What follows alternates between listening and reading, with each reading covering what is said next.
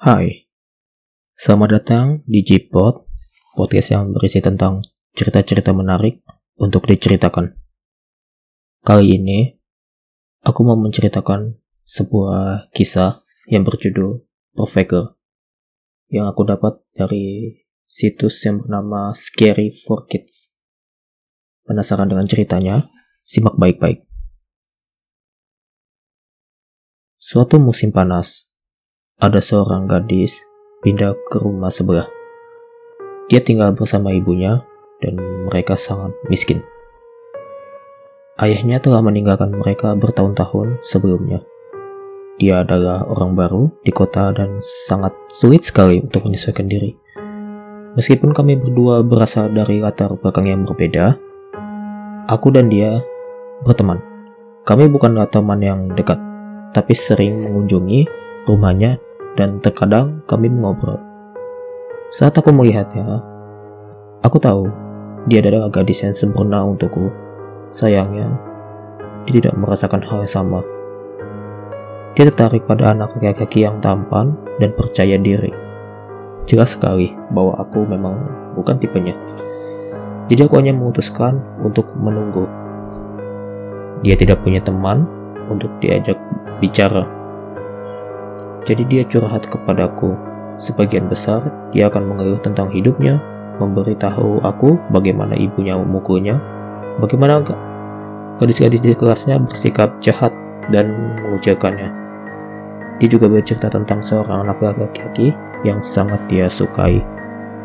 Dia sangat populer di kalangan gadis-gadis di sekolah. Saat dia membicarakan masalahnya, aku hanya duduk di sana dan mendengarkan keluh. Suatu hari, gadis itu berhenti datang ke sekolah. Ternyata itu karena dia diintimidasi. Dia mengatakan kepadaku bahwa salah satu gadis populer di sekolah itu telah mengetahui bahwa dia menaksir pacarnya. Gadis populer dan teman-temannya akan menggertaknya setiap kali mereka melihatnya. Dia mengatakan mereka bahkan menyebarkan rumor keji tentang dia ke teman sekelas lainnya, dan mereka membuat hidupnya menjadi mimpi buruk. Aku hanya diam dan mendengarkan dia saat melampiaskan masalahnya. Perilakunya mulai berubah setelah dia masuk ke sekolah menengah pertama. Dia tetap di luar sampai sepanjang malam dan mulai merokok, minum alkohol, Aku pun mendengar desas-desus bahwa dia menggunakan narkoba juga. Dia terlibat dengan kerumunan yang buruk dan bahkan pernah ditangkap oleh polisi. Kehidupan rumah tangganya semakin memburuk dan dia sering bertengkar dengan ibunya di tengah malam. Semua gadis di sekolah membencinya. Seseorang menyemprotkan grafiti ke seluruh rumahnya, memanggilnya dengan nama-nama yang mengerikan dan mengatakan hal-hal yang cukup menjijikan tentangnya. Seseorang yang bahkan membunuh kucing peliharaannya dan memasukkannya ke dalam kotak suratnya. Akhirnya gadis itu putus sekolah. Dia menjadi pendiam dan mengunci diri di kamar tidurnya. Dia berhenti berbicara dengan ibunya dan pergi berhari-hari tanpa meninggalkan kamarnya.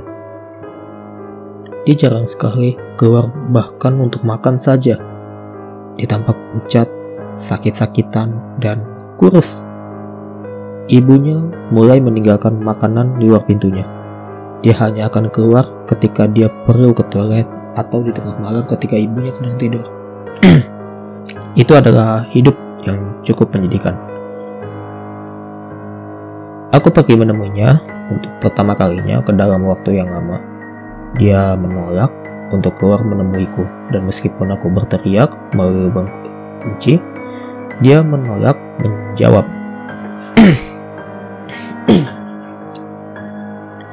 Ibunya memberiku semangkuk sup untuk dibawa ke lantai atas untuknya. Aku melihatnya sekilas saat dia membuka pintu untuk mengambilnya.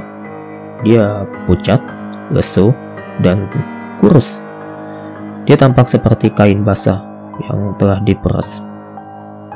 Aku pergi menemuinya setiap hari setelah beberapa saat gadis itu mulai berbicara kepadaku melalui pintu. Dia memberitahuku bagaimana dia terus-menerus bertengkar dengan ibunya dan semua teman-teman lamanya telah melupakannya.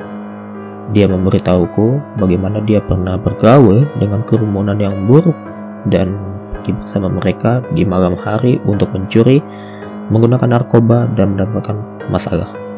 Dia mengatakan kepadaku bahwa dia tertangkap basah sedang mengutil oleh polisi, dan dia juga sempat memiliki catatan kriminal. Dia memberitahu aku bagaimana ibunya mencoba membantunya pada awalnya. Tetapi ketika dia tidak menggunakan, ibunya sangat marah dan memukulinya. Hidupnya menjadi tak tertahankan. Dia sangat ingin mati dan mengatakan kepada aku bahwa dia telah mencoba membunuhku berkali-kali dengan menggorok pergelangan tangannya. Seperti masa lalu, dia terus berbicara dan aku hanya mendengarkan. Setiap kali meminta pendapat aku, aku hanya mengangkat bahu dan membuat komentar yang tidak berbahaya. Seiring berjalannya waktu, mood gadis itu perlahan mulai cerah. Dia bahkan memutuskan untuk keluar dari kamarnya. Seperti segalanya, semuanya menjadi lebih baik dan masa depan terlihat positif. Ibunya menangis dan sangat berterima kasih. Suatu hari, Gadis itu naik ke atap ke sebuah apartemen yang dibangun di lingkungan itu dan melompat. Bangunan itu sebenarnya tidak terlalu tinggi dan dia mendarat di semak-semak. Mungkin itulah yang menyelamatkan hidupnya. Namun sus tulang belakangnya terluka karena jatuh dan dia lumpuh dari leher ke bawah. Para dokter pun mengatakan dia akan menghabiskan sisa hidupnya di kursi roda. Ketika dia keluar dari rumah sakit, Aku pergi menemuinya. Dia berbaring di tempat tidurnya, tidak bisa bergerak. Dia meminta maaf kepadaku berulang kali dan dia tidak bisa berhenti menangis. Dia berkata, dia berharap kalau dia tidak selamat dari kejadian itu dan mengatakan kepada aku bahwa dia menyesal atas semua apa yang dia timbulkan untukku dan ibunya. Aku mencoba menenangkannya dan menghentikan tangisannya tapi sangat sulit sekali untukku menghibur seseorang saat mereka terbaring.